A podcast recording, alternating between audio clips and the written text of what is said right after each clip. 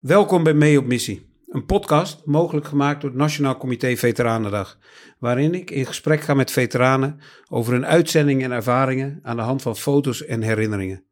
Vandaag, vandaag ga ik mee op missie met Marvin. Marvin is in 2006 als onderdeel van de luchtmobiele brigade op uitzending geweest naar Afghanistan. Vandaag de dag werkt Marvin nog steeds bij Defensie, inmiddels voor de PSYOPS eenheid in Apeldoorn. Mijn naam is Alex Klusman en dit is Mee op Missie.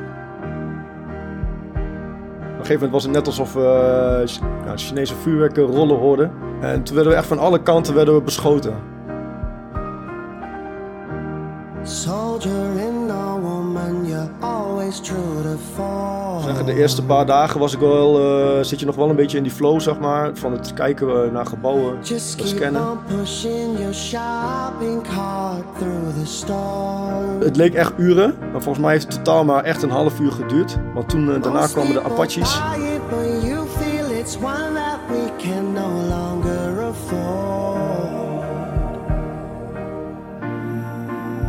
You stop believing story.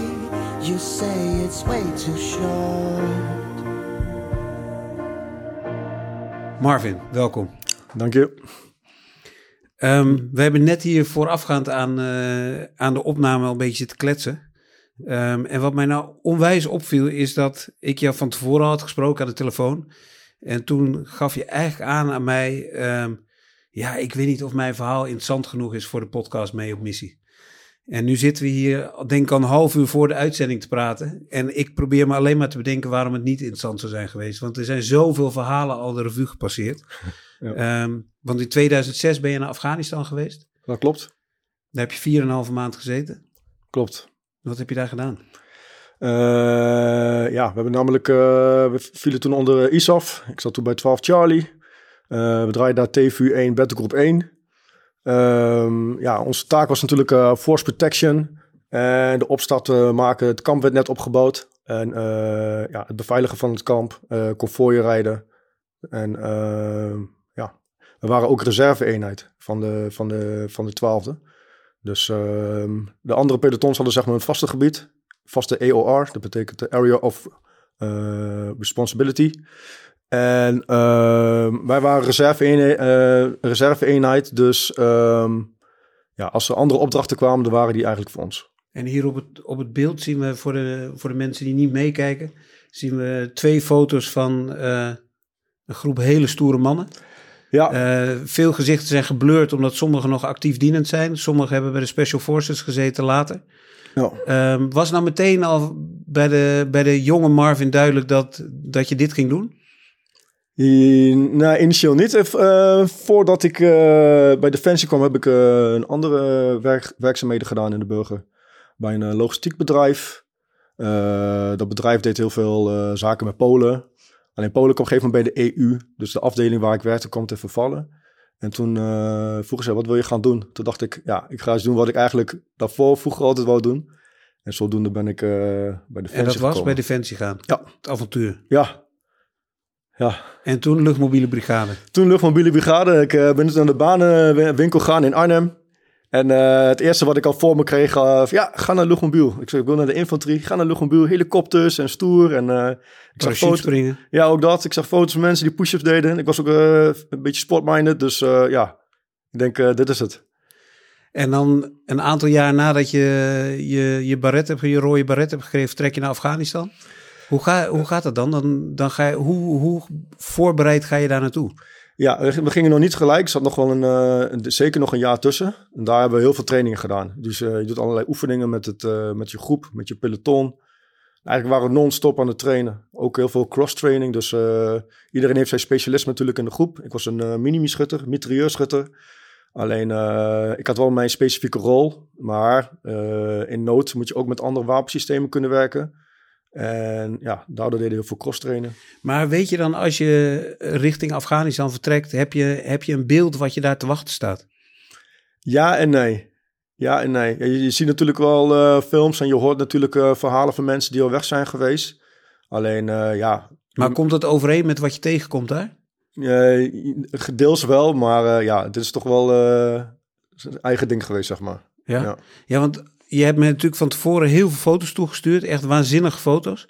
Ehm, en wat mij opviel bij de foto's die je to toestuurde, dat het allemaal verschillende plekken waren in Afghanistan.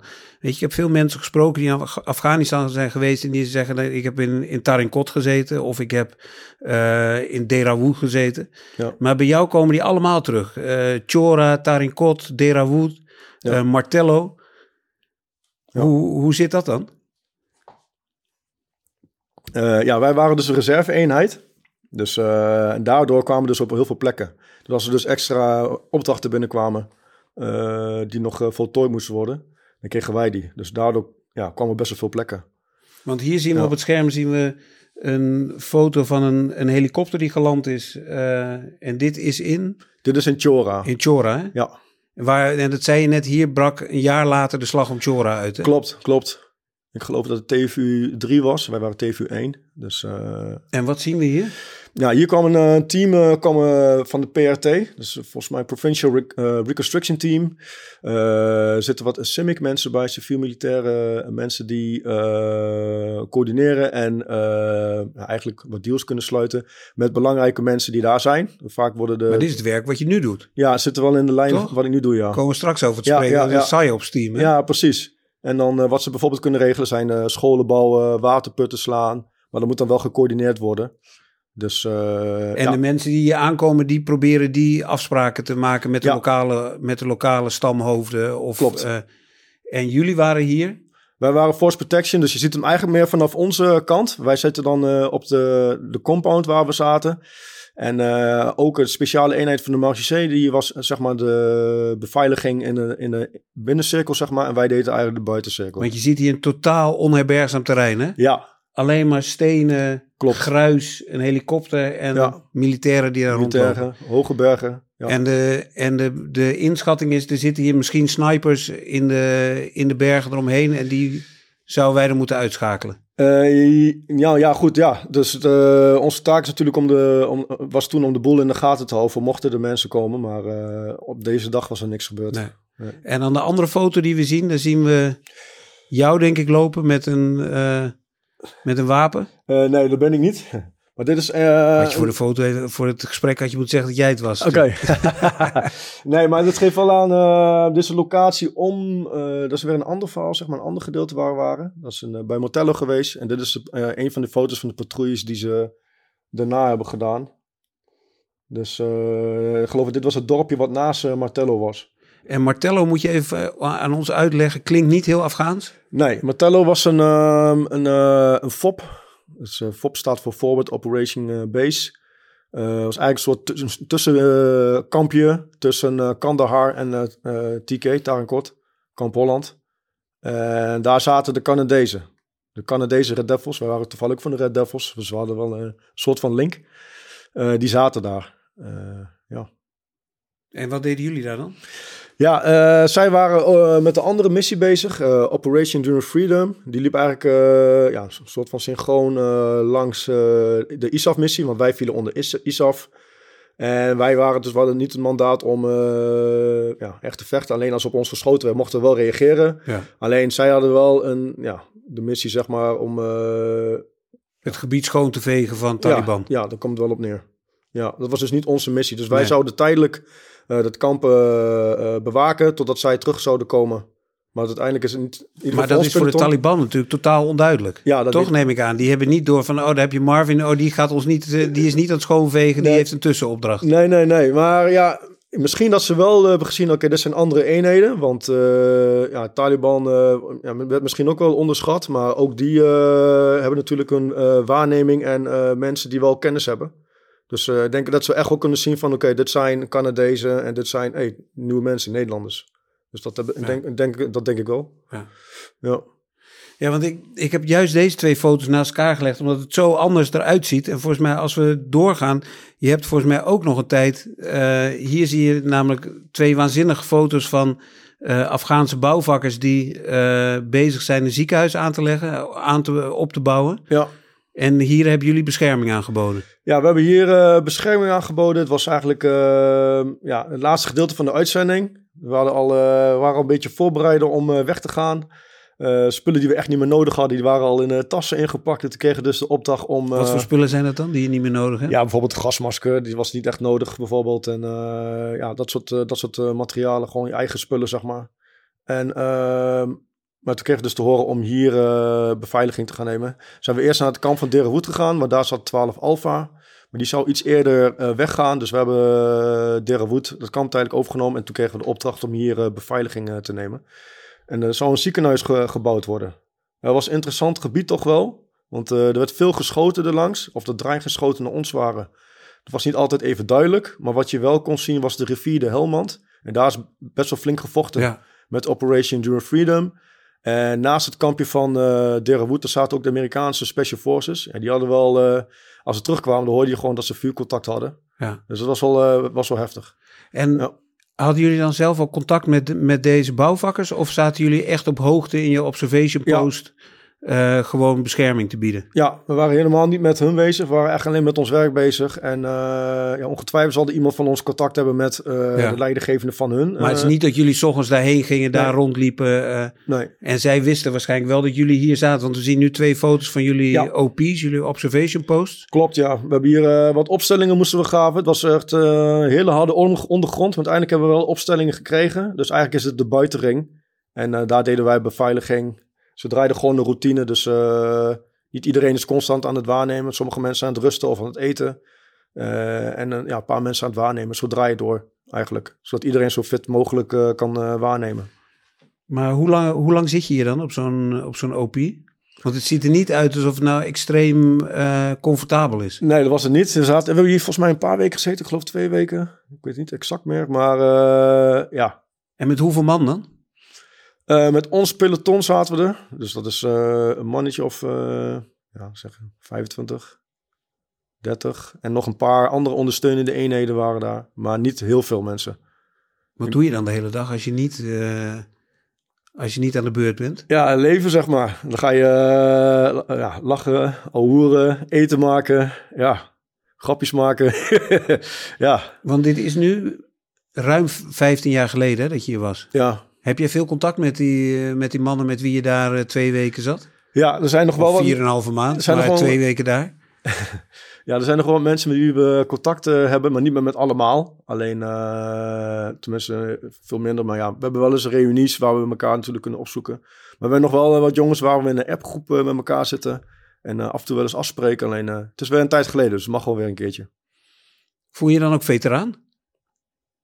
Dat ben je wel, toch, na een uitzending? Ben je, ook al ben je actief dienend nog. Ja, ik denk het wel. Maar als ik dan weer kijk naar uh, de mannen die echt bijvoorbeeld... Uh, want dan, vroeger was mijn perceptie, ja, de mannen van de Tweede Wereldoorlog, dat waren de veteranen. Ja, ik weet niet of we op die level zitten, we denk ik niet. Het is ook in een andere tijd geweest. Dus ja. is eigenlijk niet te vergelijken. Ja. ja. Maar dus je twijfelt een beetje of je, of je veteraan voelt? Nee, ik, ik denk wel voor deze tijd, ja, voel ik me wel veteraan. Denk je vaak terug aan deze tijd? Want je zei ook tegen mij van ik kwam allemaal harde schijven tegen die ik, uh, waar ik eigenlijk blij was dat ik die weer tegenkwam. Ja, ja toch wel. Want uh, eigenlijk heb jij me wel getriggerd om dat uh, inderdaad op te zoeken. En dan zie ik toch weer foto's en denk ik oh ja, wel grappig om dit weer even te zien. Ja. Maar niet, het is niet iets waar je dagelijks mee bezig bent? Nee. En je hebt er ook geen, uh, geen negatieve herinneringen of gevolgen aan overgehouden? Nee, eigenlijk niet. Ik moet zeggen, de eerste paar dagen was ik wel, uh, zit je nog wel een beetje in die flow, zeg maar. Van het, uh, ja, je doet natuurlijk heel veel waarnemen. Dus kijken naar gebouwen, dat scannen. Dat had ik eerst een paar dagen, maar dat ging heel snel weg. Ik had er geen last van verder. Ken je jongens die er wel last van hebben gehad? Ja, ik ken wel jongens die er wel last van hebben gehad. En is het, is het nou karakter, heeft het soort, soort van karakter ermee te maken dat... Oh, dat is heel moeilijk in te schatten. Eigenlijk uh, de jongens die er wel last van hebben gehad, op hun locatie was ik zeg maar zelf niet. Uh, ja, het waren ook al uh, mensen die al wat hoger rang hadden. In de onderofficieren waren dat. Dus ik heb ze daar ook verder niet meer echt direct over gesproken. Alleen ik weet wel dat er wat mensen, ja, die hebben wel even... Zwaar gehad. Ja, want jij bent natuurlijk naast, de, naast dit soort uh, activiteiten die je deed op zo'n op zo'n observa observation post zitten, natuurlijk ook gewoon een patrouille geweest. Uh, de poorten uit, ja. uh, zoals we hier een foto van jou zien achter een... een minimi. Dat is een, minimi. ja, dat is een kleine mitrailleur. Want wat deden jullie hier dan? Waar is dit? Oh, goede vraag. Volgens mij is het, als ik kijk naar de, de vrachtwagen die erachter zit, is dit beveiligen van de konvooien. Uh, waren wij vaak het verkennende element, dus reden we vaak vooruit. Dus als we dan op stukjes tegenkwamen of bruggen, dan moesten die gesearched worden. Search wil zeggen kijken of daar, of daar ja, bommen liggen, IED's, want dat, dat deden ze vaak, hè, Taliban. En dan waren we vaak met een, een genie-eenheid, een genie, die had dan vaak de apparatuur om te scannen of daar eventueel eh, bommen zouden zijn. Was er niet, was dat er niet dan was het veilig en dan konden we doorrijden. Dus eigenlijk deden we dat. wat ik het bizarre aan het verhaal met jou vind, is dat jij vertelt alles op een soort van manier van ja, maar oh, en dit, was, uh, dit was dan met, uh, met het konvooi vooruitrijden of de, of de, of de mijnen lagen. En dan zien we hier een foto waar je ook achter een enorm wapen zit. Ja, dat is de punt 50. Het, het klinkt een beetje alsof het een soort van schoolreisje was, maar dat was het volgens mij totaal niet. Nee, was het ook zeker niet. Nee, maar ja, je bent er zo uh, mee bezig en uh, zo gewend. Ja, op een gegeven moment was het gewoon een beetje normaal. Ja, want je vertelde net dat jullie op een gegeven moment aan het sporten waren. Ja. In een soort van provisorische gym die je in een tent had. Ja, dat deden we. Dus op TK, uh, Taekwondo deed dat sowieso, maar ook Martello hebben we dat gedaan. Dat klopt. En ja. toen? Ja, uh, was ik met een paar kameraden waren we aan het sporten. Ik heb, volgens mij waren we met z'n vieren. En op, volgens mij was het 4 september ging het los. het was echt zo'n boogtent waar fitness, we gewoon een paar dumbbells en een paar bankjes, dus we konden wel ons ding doen. Op een gegeven moment was het net alsof we Chinese vuurwerken rollen hoorden. En toen realiseerden we pas na een paar seconden, oh, we worden aangevallen.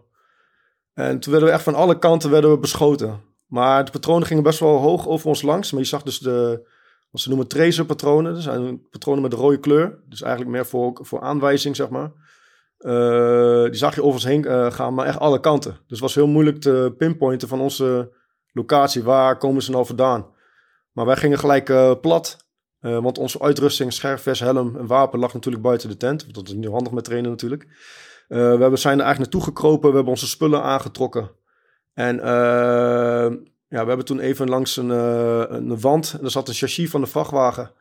Hebben we gekeken, oké, wat gaan we doen? Want we moesten eigenlijk terug. Want we hadden eigenlijk getraind om uh, op de plek waar we eigenlijk sliepen. Want dat was een metertje of 100, 150 verderop. hadden we eigenlijk getraind om zo snel mogelijk naar het voertuig toe te gaan. En daar ondersteunen waar, waar het nodig was. Bij verschillende OP's, dus Observation Post, posts, die langs, die om het kamp in waren, zeg maar. En uh, ja, we hebben toen uh, daar gezeten om te kijken wat we gingen doen. En toen kwamen we erachter dat er nog meer mensen waren. Er waren nog twee Canadezen waren nog op het kamp. Die zaten onder het voertuig. Die zeiden, oh, this is the worst attack ever. En uh, wij zeiden, get over here, get over here. Dat, dat, dat ze achter de dekking konden komen. En toen bleek ook dat de, er was nog een tent naast onze tent. Het was een tent met een televisiescherm. En heel vaak kwam de geestelijke verzorger, die kwam wel eens daar langs om, op zondag. Uh, daar bleken dus ook nog jongens in te zitten. Dat waren, uh, waren de jongens van de mortiergroep. En uh, ja, zij moesten natuurlijk een stelling om vuur uit te kunnen brengen. Maar ja, ze hebben natuurlijk een zwaarder wapen. Dat kan dus ook meer effecten brengen. Maar ja, zij konden dus niet naar hun locatie toe, want hun locatie werd onder vuur genomen. Uiteindelijk er, zijn we ondersteund door een van de voertuigen. Die heeft rook gegooid richting de stellingen van de mortieren. En de jongens van de mortieren zijn toen richting de stelling gegaan. En wij hebben ze toen niet meer gezien en wij, uh, ja, wij moesten terug. Dus wij zijn naar onze eigen uh, uh, positie gegaan. Ja, wat we geleerd hebben is altijd met één of twee rennen maximaal. Omdat je dan een kleine target bent. Want ja, grote target is makkelijk schieten voor de vijand. Hoeft alleen maar hoeft hij niet goed aan te richten bijvoorbeeld. dus we zijn eigenlijk van steen naar rots zijn we eigenlijk uh, gesprongen. En een van de maten die achter uh, mij zat, die zei van... Uh, ja, ik zag de patronen inslaan in de grond. Ik heb het zelf niet gezien, want ik was gewoon aan het sprinten. En ik voelde eigenlijk niet eens dat ik mijn schervers om had. ja, je bent je zo adrenaline hoog, je voelt het gewoon niet. Totdat we uiteindelijk bij ons voertuig aan waren gekomen. Er zat de punt 15, zat ja, maximaal te vuren natuurlijk... om ons dekking te geven voor onszelf. Maar ook natuurlijk proberen vijanden uit te schakelen... En we zijn aan, achter ons bij het voertuig gekomen en uh, we hebben geklopt en we zijn er binnen gelaten. En uh, ja, het was er even een momentje van, van rust. Ik rookte toen nog. Volgens mij heb ik het pakje sigaretten bijna in één keer uh, weggerookt. En Ja, we zijn toen... eh, hoe lang duurt zo'n aanval dan? Ja, we hebben, het leek echt uren. Maar volgens mij heeft het totaal maar echt een half uur geduurd. Want toen, eh, daarna kwamen de Apaches. Eh Taliban, eh, ja, die was eh, houden bang voor van de, Apaches. Apaches. Die hebben natuurlijk warmtebeelden en dat, soort- dat soort Ja. dingen. Dus eh, toen die Apaches kwamen, was het ook wel redelijk eh, snel afgelopen tussen met de grote aanval. Maar wat, wat ze nog wel... eh, en is het dan overdag, eh, eind van de dag? Ja, het was rond de schemering. Dus het begon donker te worden. En hoe ga je dan de avond in? Ja, normaal gesproken ga je de avond in. ga je ook voorbereiden op de avond. Dus ja, normaal kijk je natuurlijk door dagzicht. Dus je moet dan je, je gear aanpassen naar de nacht. Kijk een nachtzicht. En dus het is een schakelmoment. Dus een beetje een kwetsbaar moment. Ja. En daar, daar heeft de Taliban echt gebruik van gemaakt. Dus dat laat ook echt zien. Ja, die jongens hadden echt wel, eh, ook zij hebben echt wel kennis van zaken. Ja. Maar ik bedoelde meer, hoe ga je de nacht in? Weet je, was gisteravond was er onweer hier in Amsterdam. Ja, En mijn twee, mijn twee zoons die vinden dan onweer. Zeggen ze, oh, doodeng. Maar ik kan me voorstellen, als je een half uur onder vuur hebt gelegen... en je gaat dan de, de nacht in, ja. dat je niet zo heel fijn slaapt. Of Nee, slaap je helemaal eh, niet? bijna niet geslapen eigenlijk. We zijn eh, met ons voertuig zijn we toen eh, gaan ondersteunen aan de backgate. Dat was de poort aan de achterkant. En daar zaten wat jongens van de genie, die ook eh, flink aan het vuren waren nog. En onze punt 50 heeft daar ondersteund. Dus wij zaten toen nog in het voertuig, totdat wij geroepen werden om naar buiten te gaan. Eh, op een gegeven moment hebben wij een, op een andere OP eh ondersteund. En Daar zijn we naar buiten gegaan. En het, ja, op een gegeven moment werd het ook, al licht. Dus wij eigenlijk hebben gewoon bijna niet geslapen. En eh, zo hier zie je bijvoorbeeld de foto. Dat is wat we noemen algeheel. Dat betekent eigenlijk dat iedereen in stelling gaat. Dus in beveiliging naar buiten. Dit is de foto van de dag erna. Dus eigenlijk bijna niet geslapen. Je ziet nog de munitiedozen Ja. op de grond eh, eh, eh, liggen. Ja, dan zit je gewoon in, de in, in de beveiliging. En af en toe deed de Taliban nog eventjes... Nog even laten horen. Ja, even laten horen om ons alert zijn er te nog, We zijn ja. er nog. Maar ja, de dag daarna zijn er wat patrouilles gedaan. Je ziet op de andere foto zie je ook nog een, een RPG-kop. Die niet, goed, eh, die niet is afgegaan. Want dat, daar, RPG-kop is een raket. die raket, ja, ja. daar werd ook mee opgeschoten. Dus het hele kamp, ja. Het was eh, RPG's, het was echt van alles wat je maar kon voorstellen. Dat zag je, zeg maar. En eh, ja, de dag, de dag daarna zijn de patrouilles ge- gedaan. En ehm, ja, daar waren wij al niet meer bij. Want we kregen toen weer de volgende opdracht. Dus dit, is door een, an- dit zijn foto's daar gedaan door een ander peloton. Maar weet je, ik, ik heb zelf niet in het leger gezeten. Maar als ik dan die foto zie waar jij eh, een algeheel, in een algeheel staat, zo heet Ja. het volgens mij. Ja, En je kijkt eh, naar de cameraman, zijn er geen momenten dat jij denkt van wat, wat doe ik hier eigenlijk? Je, je, weet Ja. je, je kijkt hier de camera in. Ik zou echt denken, wat doe ik hier ver van huis? Ja, dat is wel ergens wel zo. Maar aan de andere kant, je, ja, we waren zo getraind, zo ge- gedrild zoals ze bij ons noemden. Ja, je voert je werk, voer je toch uit. En eh, ja, het is ook later dat je wel eh, pas het besef krijgt. Op dat moment ben je met je werk bezig. En pas later ga je reflecteren van oké, eh, ook mijn groepscommandant heeft dat heel goed gedaan. We zijn, later zijn we naar eh Kandahar gedaan. En echt met ons gepraat van hey, hoe was het nou om dat te ervaren? En ja, in het begin zeg je wel, oh, het is vet, het is vet. Maar later, je gaat steeds vaker Ja. denken van, oké, het had ook anders kunnen zijn. We, hebben, eh, toen, vlak voordat we weggingen, gingen, hebben we nog onze spullen eh, opgehaald bij de slaaptenten. En eh, er was nog een tafeltje wat we hadden gemaakt met allemaal eh, handtekeningen erop. En ehm, we deden altijd een kaartspelletje 31. En de kaarten lagen nog precies zo op de tafel. Het zag er net uit als een spookstad. En toen we onze spullen pakten in de tent, zag je ook dat de tenten gewoon doorzeefd waren. En er was gewoon niemand in de tent. Dat was gewoon echt een wonder. Normaal was er altijd wel iemand een boekje lezen Ja. of even wat eten maken. En er was gewoon niemand in de tent. En dat zijn momenten dat ik denk van oké, het had ook wel eh, anders eh, kunnen aflopen. Is het vaak gebeurd dat je het gevoel hebt gehad, we zijn eigenlijk door het oog van de naald gekropen? Ja, je hebt wel eens dat je zeg maar, eh, dat ze de patrouilles zijn gaan rijden. En we hebben dan vaak een tolk mee. En de tolken die, ja, we natuurlijk ook, wij kunnen ook radioberichten opvangen. Soms hoorde je ook de radioberichten van Taliban. En ja, soms hoorde je van eh, of dat de Taliban was, ja of nee, is nog de vraag. Maar dan hoor je wel berichten van, hé, hey, we gaan ze aanvallen. Of eh, wacht maar op me opblazen, hebben we ook een keertje gehad. En dan hoor je dan later dat iemand eh, op een berg iemand heeft zien wegkruipen.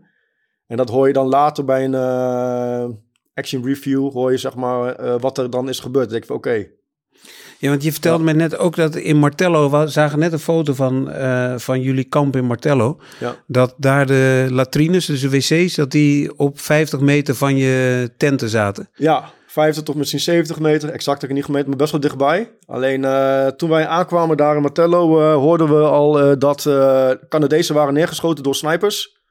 Op het kamp. op het kamp. En ehm, dat de Canadezen toen een, een spotter, dat is iemand die je dus waarneemt voor een sniper, die hebben uitgeschakeld en toen hadden ze er geen last meer van, zeg maar. En, ehm, maar ja, als je dus naar de, naar de latrines ging lopen, dan ging je dus full dress. Dus alles wat je nu In schervest, helm. ja, zo eh, ging je dus naar de wc toe voor echt voor een klein stukje lopen. Ja, gewoon eh, just in case Ja. dat, die, eh, dat er toch nog iemand Ja. was. Dus hij, dat gaf wel aan wat, hoe hoog de dreiging al daar was. ja.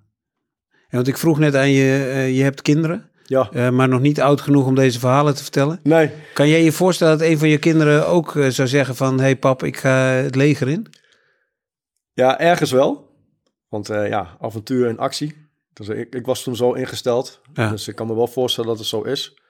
Maar ja, ik zou hem wel even vragen van weet je het zeker? Ja. Zeker om dit, dit soort werk te doen, weet je het zeker? En ja. Ja, dus En dat- als je, we hebben nu best wat foto's voorbij zien komen uit die tijd. De stoere mannen bij elkaar, de opgepompte bodies. ja. Mis jij die tijd dan? Of zeg je, dit is gewoon ook een tijd die geweest is Ja. en het is wel goed zo? Het is een tijd die geweest is. Het is ook een hele mooie tijd. En het zal altijd wel eh, een herinnering eh, bij mij eh, hebben. Ik ben ook blij dat ik het heb meegemaakt. Ik ben ook, ook trots op de jongens. Ik denk dat we goed werk hebben geleverd voor wat we gedaan hebben. Dat we het gewoon eh, goed hebben uitgevoerd. Dus eh, ja, Want dat, dat ziekenhuis, dat is niet gekomen, neem ik aan. nee. Dat jullie, dat jullie de bouwvakkers die jullie beschermden. Voor wat ik begrepen heb is het er nooit gekomen. Maar eh, wat, het, wat het precies is geworden weet ik niet. Maar heb je dan vorig jaar, als de Taliban weer eh, een, een machtsgreep doet in Afghanistan, niet af en toe het idee van waar, waarom zijn we daar geweest? Ja, dat heeft, eh, dat, heb ik, eh, dat heeft mij wel geraakt. Ja? Het heeft me echt geraakt. Al het werk wat we daar hebben gedaan. Eh, mensen van onze kant, maar natuurlijk ook mensen van alle kanten, eh, kanten burgers, eh, andere landen. Was dit allemaal nodig geweest en nu is alles weer terug. Ja. Dat heeft mij op dat moment pijn gedaan. Alleen ja, we hebben toen ook goede dingen gedaan, denk ik. Dat zie je misschien hier niet met het wapen. Maar we hebben wel beveiligingen gedaan. Bijvoorbeeld dat de Simic team waterputten gecoördineerd heeft natuurlijk met de mensen daar. Waterputten zijn er gekomen, scholen. Dus mensen hebben volgens mij wel even een moment Een gehad. beter leven gehad. Ja, Ja. daar, ik denk dat wij daar wel voor hebben gezorgd. Ja. Ja, de- een, een collega van jou zei het in een eerdere aflevering ook. Die zei, ja, vrouwen hoefden minder ver naar de, naar- te lopen om water te krijgen. Ja, En zo simpel kan het zijn wat je, de bijdrage die je levert. ja. En als Ja. het dan alles weer eh, als een kaarthuis in, eh invalt, ja, dat Ja. raakt me wel, ja. Ja. Ja. En dan ben je terug in Nederland. Een week na je uitzending. Ja, een week. eh, het, het was iets meer dan een week. Want ik heb de oorkonde hier eh, liggen, zie ik toevallig. Maar het was wel eh, echt vroeg na de uitzending. Ja, is het volgende gebeurd. Ik was ook parachute. Onze ene was een para-compagnie. En we deden ook parachutes vouwen. Eh, dat deden we in Breda. Daar had je de para-instructiegroep. En op een dag ging ik lunchen op een kazerne aan de overkant. Er staat een deel van de Koninklijke Militaire Academie zat daar. Op de Zeligweg. Die zit er nou niet meer, heb ik eh, begrepen. Ik ben er heel lang niet meer geweest. Ehm, ja, we kwamen terug van de lunch. En we liepen richting de poort. En vanaf mijn positie zag ik alleen maar de muur, zeg maar, van het, eh, en daarnaast de poort. Maar de jongen die links van mij eh, stond, die zag het wel. Maar we hoorden natuurlijk een auto slippen. We hadden toen een auto slippen en een doffe, doffe klap. En de jongen links van mij zag dus iemand eh, in de lucht eh, vliegen, daadwerkelijk. En eh, ja, ik bedacht me niet. Ik viel weer in mijn drill. En ik ben er naartoe gesprint, de jongens achter me aan. Eigenlijk niet zo goed gecheckt wat mijn eigen veiligheid was. Want dat is iets wat in het pro- protocol voorkomt als eerste, persoonlijke veiligheid. Ik ben naartoe gegaan. ja, en dan kwam ik een vrouw tegen die ook aan het lunchen was met de eigen collega's. Maar gewoon eh, een burgerdame, dus eh, iemand die niet bij ons werkte. Ehm, ja, waarschijnlijk eh, wat ik vernomen heb, was ze aan de telefoon. Was ze oversteken, heeft ze niet gekeken. De auto was met een dusdanige snelheid, niet te hard, maar zo dichtbij... dat er voor hem geen, ja, geen mogelijk was om, mogelijkheid was om te ontwijken. En de mevrouw is tegen de raam gekomen van de auto en over de auto gevlogen. En toen hij daar aankwam, was hij... eh, eh, de mevrouw was eh, aan het gorgelen, stikken aan het gorgelen, het geluid aan het maken... En eh, haar ogen waren helemaal naar boven weggedraaid. En ja, ik nam op dat moment nam ik enigszins de leiding. En, en er waren men, natuurlijk bestuurder van de auto, die was helemaal panisch aan de, heen en weer aan het lopen. Maar ook de dame was met een paar collega's, die waren helemaal hysterisch. En dus ik zei tegen de jongens, oké, Jij gaat die mensen rustig houden en uh, op afstand houden. Jij gaat uh, naar de bestuurder. De andere jongens, jullie gaan uh, verkeer tegenhouden. En een paar jongens, een andere jongens, ook een paar jongens van de goed bij. Jullie gaan een medkit ophalen met verband, et cetera, om te ondersteunen. Dus die jongens die gingen sprinten. dus ik kwam bij de dame en ja, eerste wat ik hoorde, dat gorgelen, zag ik ook, hoorde ik al dat de luchtweg niet vrij was. Dat was het eerste wat je, wat je moest doen. Dus uh, ja, de techniek is dan om de chinlift te doen. Dus je maakt eigenlijk de mond open en haalt dan de obstructies weg, zodat de luchtweg vrijkomt. Uh, ja, op het moment dat ik dat deed, want haar hoofd was gekanteld, uh, ja, kwam er allemaal uh, ja, bloed, tanden, van alles kwam eruit. En binnen no time was er ook gewoon echt een plas bloed zo groot als haarzelf. Dus het verloor heel veel bloed. Maar luchtweg kwam wel vrij. Dus op een gegeven moment hoorde ik haar luchtweg was vrij. Dus ik ging verder in het protocol. En ik kwam op een gegeven moment bij haar pols, de hartslag was heel slecht voelbaar. En uh, aan het uh, einde ga je dus checken wat is dus zeg maar de status, is iemand bij of niet. En toen zag ik haar ogen weer terugkomen. Ik zag haar uh, pupillen, die waren groot. En ehm, ehm, ze maakte ook een, iets van een kreunend geluid. Ja, maar op dat moment kwam de ambulance eraan aan. Want de ambulance, er was een ambulancepost best wel dichtbij. Dus zij kwamen eraan en ik heb zeg maar de gegevens doorgegeven van het eerste protocol. Dus eigenlijk wat afgelopen was het eerste protocol, eigenlijk het eerste noodzakelijke en uh, zij hebben het toen overgenomen. En uh, wij zijn toen teruggegaan naar, naar de parainstructiegroep. Nog wat parachutes gevouwen. En we zijn zelf gaan fitnessen in, op de KMA zelf. De, Koninklijke Militaire Academie zelf. Daar hebben ze goede fitness. en, maar ja, toen waren we net een half uurtje bezig. Toen hoorden we van, oké, jullie moeten, moeten terugkomen. Ehm, want we hebben jullie wat te vertellen. En toen hoorden we dat van de commandant die daar zat dat de dame die wij geholpen hadden het uh, niet had uh, gehaald. En uh, ja, s'avonds begon het in, best wel om in te werken. Ik kende de dame niet. nooit gezien, nooit maar gesproken. Maar ik begreep dat haar geliefde haar nog gezien hebben in leven, nog? Ja, ja. Dus ja. En jij bent uiteindelijk gedecoreerd met het rode erekoord, wat we hier zien, wat niet jouw uniform is, nee, volgens mij. dat is een voorbeeld van, inderdaad. Maar ja, dit hebben we toen gekregen. En voor je ligt de oorkonde van het Rode Erekoord. Ja. Ik weet niet of ik het uh, moet voorlezen. Ja, je nou, je maar laat het zien. Ja. Het, uh, volgens mij heel mooi. Oké. Okay. Dus, uh, mooi. Er staat eigenlijk het verhaal. Ja, daar staat het hele verhaal. Cool. Draag je, draag je dit dan wel eens, dat, dat erekoord? Ja, als ik het pak draag, dan, dan draag ik het. Ik draag het ook met trots. ja, wat hier heel sterk in naar voren komt want ik had het nooit natuurlijk uh, alleen kunnen doen. En verkeer uh, tegenhouden en mensen tegenhouden. Dus ik had echt, uh, was ook blij dat de jongens er waren. Maar door de, de chinlift die, die dus had gedaan op straat... was dus een gorgelig stikkend geluid aan het maken. Doordat de luchtweg is vrijgekomen... heeft zij dus nog een paar uur geleefd.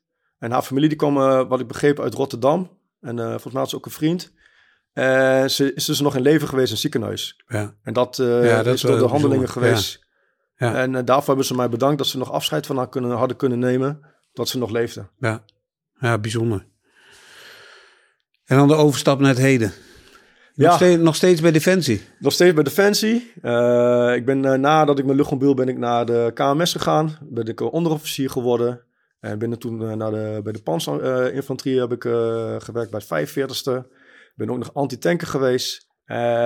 toen kwam er een periode dat ja, je moest een fase 3 een vaste contract hebben om door te gaan natuurlijk bij Defensie. En daar werd je zeg maar voor gewogen. En ik dacht zoiets van... Uh, uh, ja, mijn, ik stond er op dat moment niet zo uh, goed voor. Omdat ik een paar, elementen miste zeg maar om een vaste contract te krijgen. Ik ga voor mezelf wat ik altijd doe.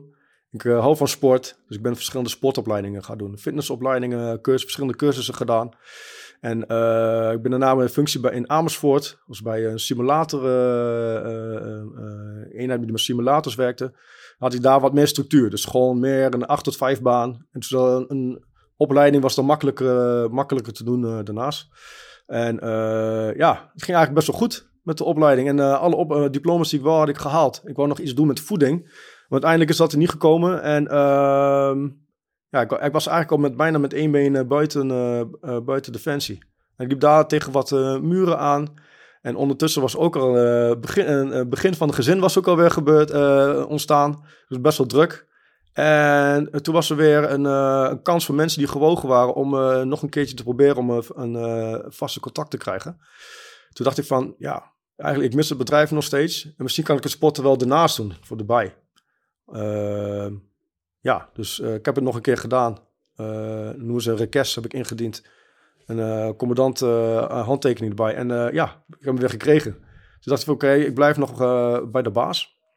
En ik heb toen een functie, zou ik dan doen in, in, in Havente in het noorden, als OPC, dus plaatsvervangend commandant van een peloton.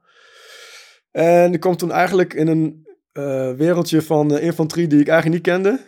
Compie die half leeg stonden, reorganisaties, vanwege uitzendingbelangen. Het kwam erop neer, dat geeft mijn peloton helemaal, voordat ik kwam, al leeg was. En ik uiteindelijk wat anders moest doen. Toen ben ik bij het 44ste ge- ge- geplaatst. Want ja, ik had eigenlijk geen werkzaamheden dan meer bij het 45ste, bij het 44ste. Maar die hadden ook een peloton in opbouw. Die waren net terug uit Litouwen.